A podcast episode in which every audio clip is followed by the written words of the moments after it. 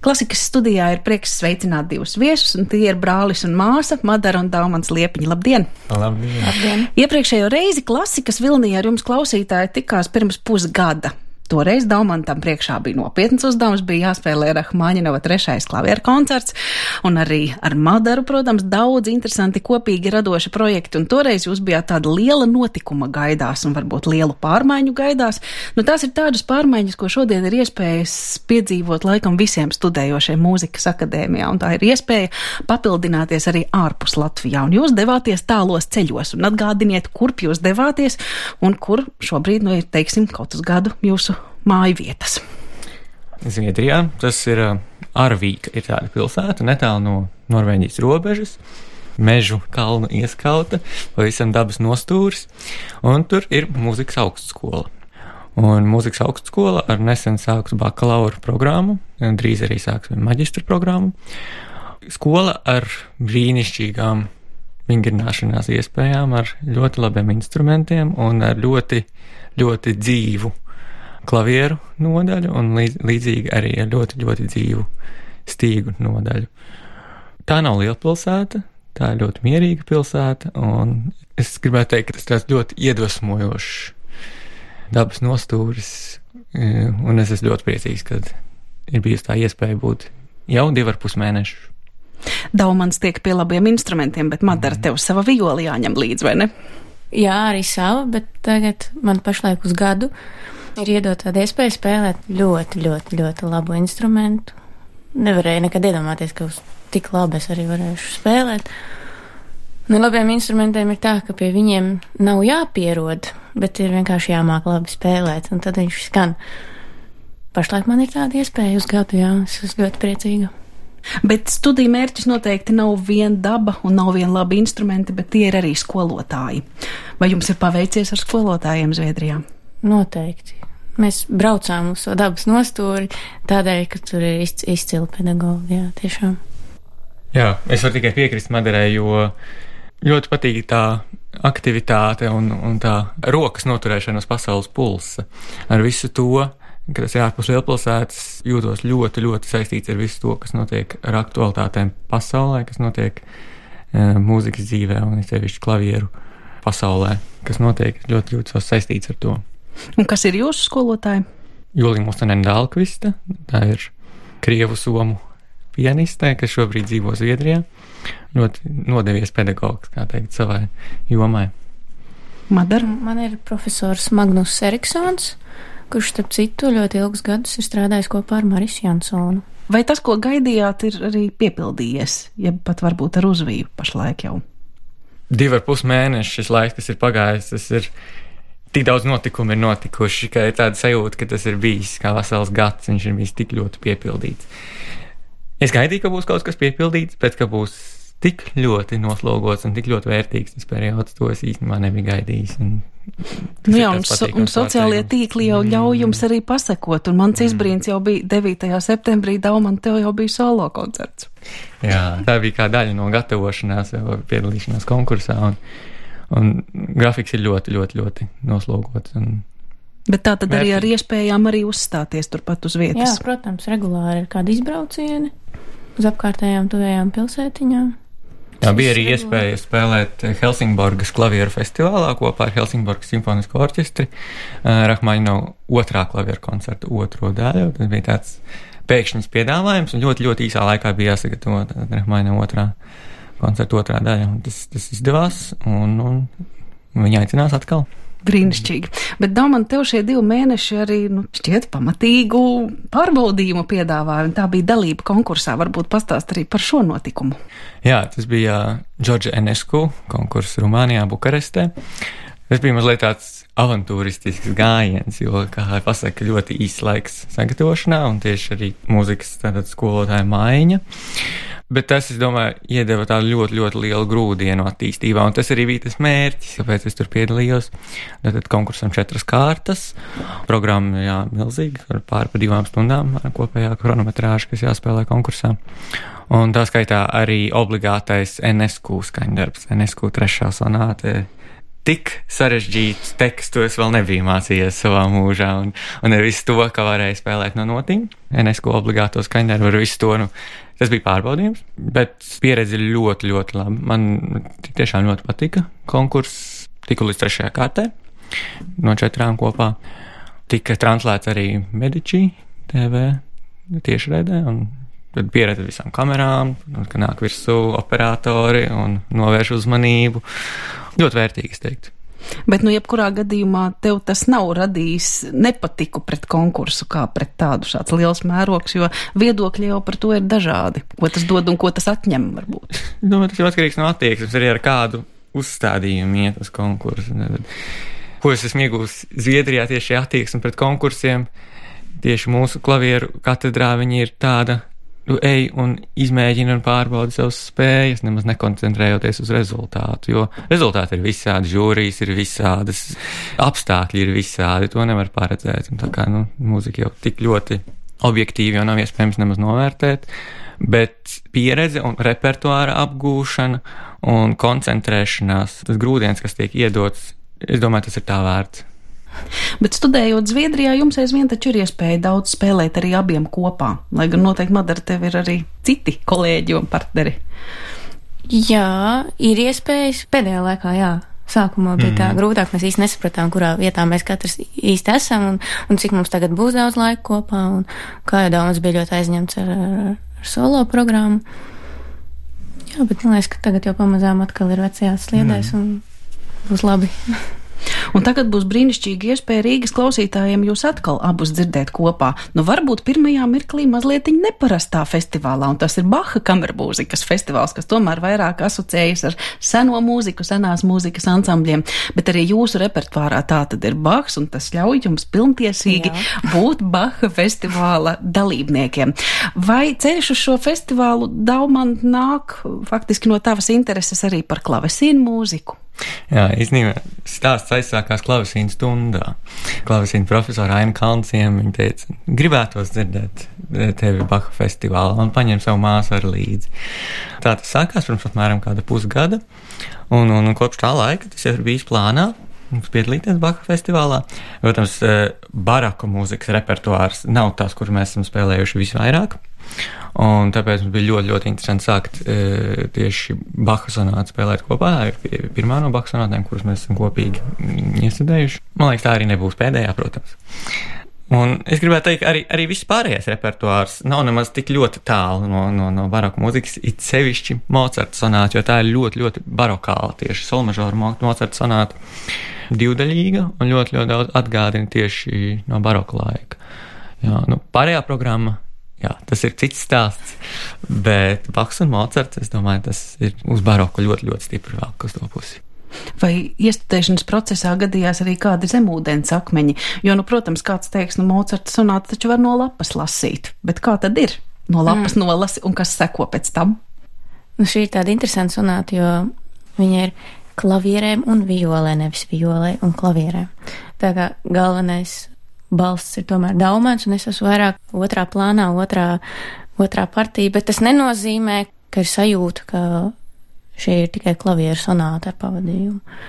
Noteikti nē, jo, jo otrā daļa ir variācijas, un tur mēs varam veidot dialogus, un viss kaut kas interesants notiek. Un, jā, protams, ir tādi brīži, kad vienu nedēļu tev liekas, ka mēs esam uzķēruši to Mocartu stilu, Nākamā nedēļā atkal viss no jauna jāsaka, neko vairs nesaprotam. Mocards ir ļoti, ļoti sarežģīts. Kaut arī, jā, teksts nav, teksts nevienmēr ir tā galvenā problēma.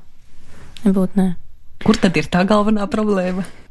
Es teiktu, ka varbūt Mocards nemaz nebija tik liela problēma, jo mums, es jau tas ir īstenībā repertuārā visilgāku laiku tieši Mocards, un tāpēc tas tā varbūt bija tā programmas vieglākā daļa pat. Kas ir Mocards lielākā problēma? Man liekas, ka dabūt vieglumu reizē ar zināmu ekspresiju. Jo bieži vien jāspēlē pārāk viegli, trūkst ekspresijas. Tātad, ja spēlē ekspresīvi, tad tas jau velk mazliet uz Beethovenu. Un man liekas, ka tā ir. Mums īpaši pie tā jāpiedomā, jo Jā. man liekas, ka mums mazliet ir tendence spēlēt ekspresīvi un, un, un romantiski. Jā, mēs esam pieraduši daudz pie romantiskā repertuāra, un tāpēc tas ir tāds uzdevums arī atrast vieglumu, bet reizē arī nezaudēt izteiksmi. Mocartā. Un es domāju, ka īpaši arī pēdējo mēnešu laikā mums tas ir izdevies, un nu, klausītāji varēs novērtēt. Nu, tas ir ļoti interesanti, mm. bet kā tad izdodas uh, sevi tā mazliet savaldīt, jo tā emocionālā puse un artistiskā puse, nu tas taču laužās ārā neapzināti. Domāju, tas ir vairāk tāds piereduma jautājums par to, ar kādu pieeju cilvēks nāk pie mūzikas. Es domāju, katram komponistam ir arī atšķirīga šī pieeja. Un, un jo vairāk spēlē vienu noteiktu komponistu, jo vairāk iepazīst komponista dabu un komponista emociju pasauli un kā viņš tieši izpauž savas sajūtas. Es domāju, ar Motoru tā vairs, vairs nav problēma, un, un, un varbūt ar Bahu mazliet vairāk šajā programmā, jo to mēs neesam tik daudz spēlējuši kopā. Jā, bet ir jau tā lieta, jo vairāk uh, dažādu stilu mūziku tu apgūsti, jo tu reizē arī atrodi to saikni starp visiem stiliem, kas visur vijās cauri, un jo lielāks ir tavs repertuārs, jo tev ir vieglāk ielekt vajadzīgā. Ja. Vai, teiksim, atslēgas atrašanai palīdz arī tas, ka tu esi uz to ar klavesīnu? Nu, tā tad iespējami tuvu instrumentu tam, ko spēlēja paši autori to laiku, salīdzinoši ar lielo skaisto koncertu flīģeli. Ir jau diezgan tālu radniecība starp mūsdienu flīģeli, kas ir ļoti masīvs, un, un, un, un klavesīnu.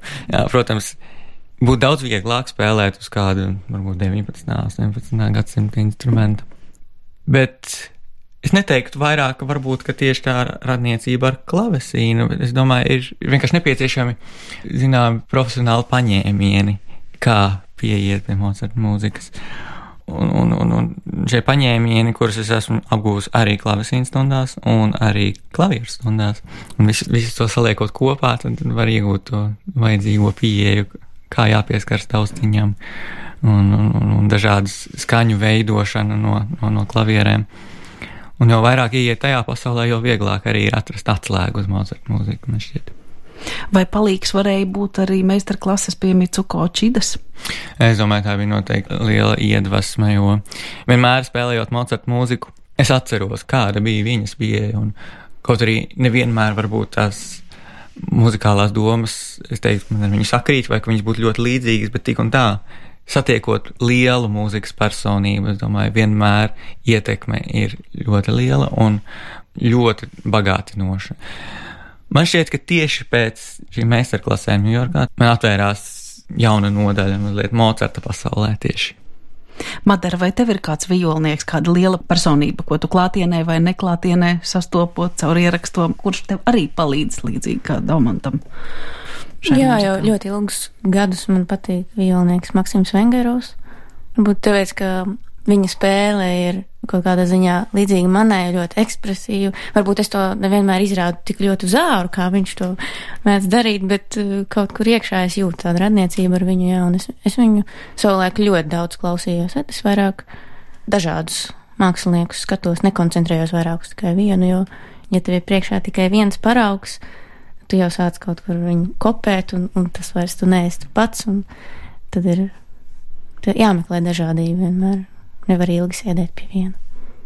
16. novembra koncerta programmā būs arī kāds ziemeļniecisks akcents. Sveiciens no Skandināvijas. Jā, Grīga, pirmā sonāte. Jā.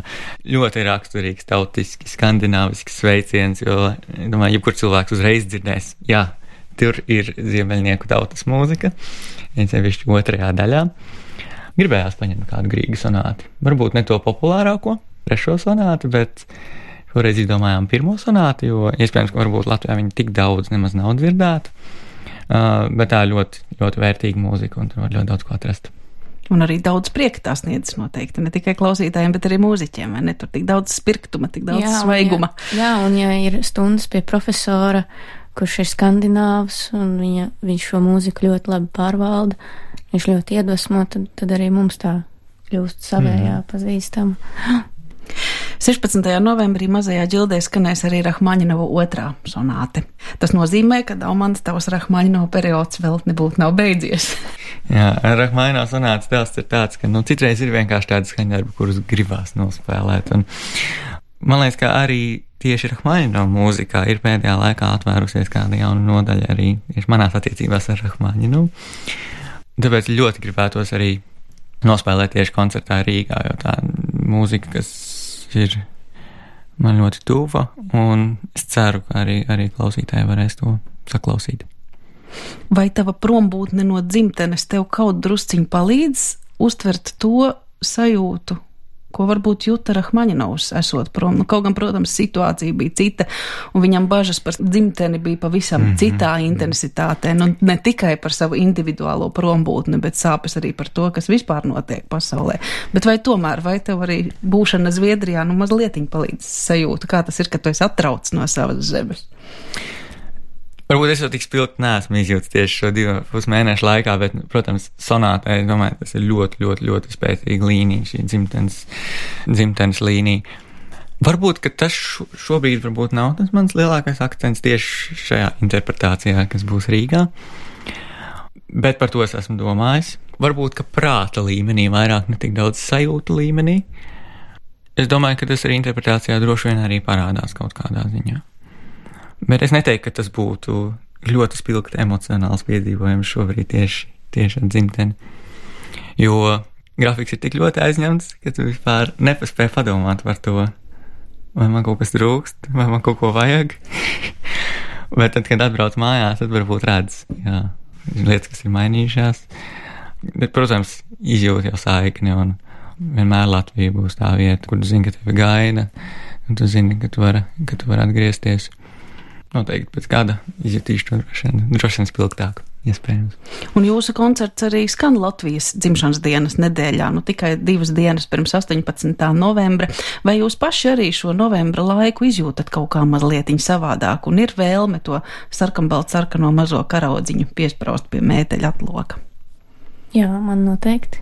Kaut kas gaisā virmo, cilvēki ir savādāki varbūt nedaudz laimīgāk vai tāda īpašāka varbūt jūtās, jo, jo ir svētki un, un visiem, tie ir visiem svētki.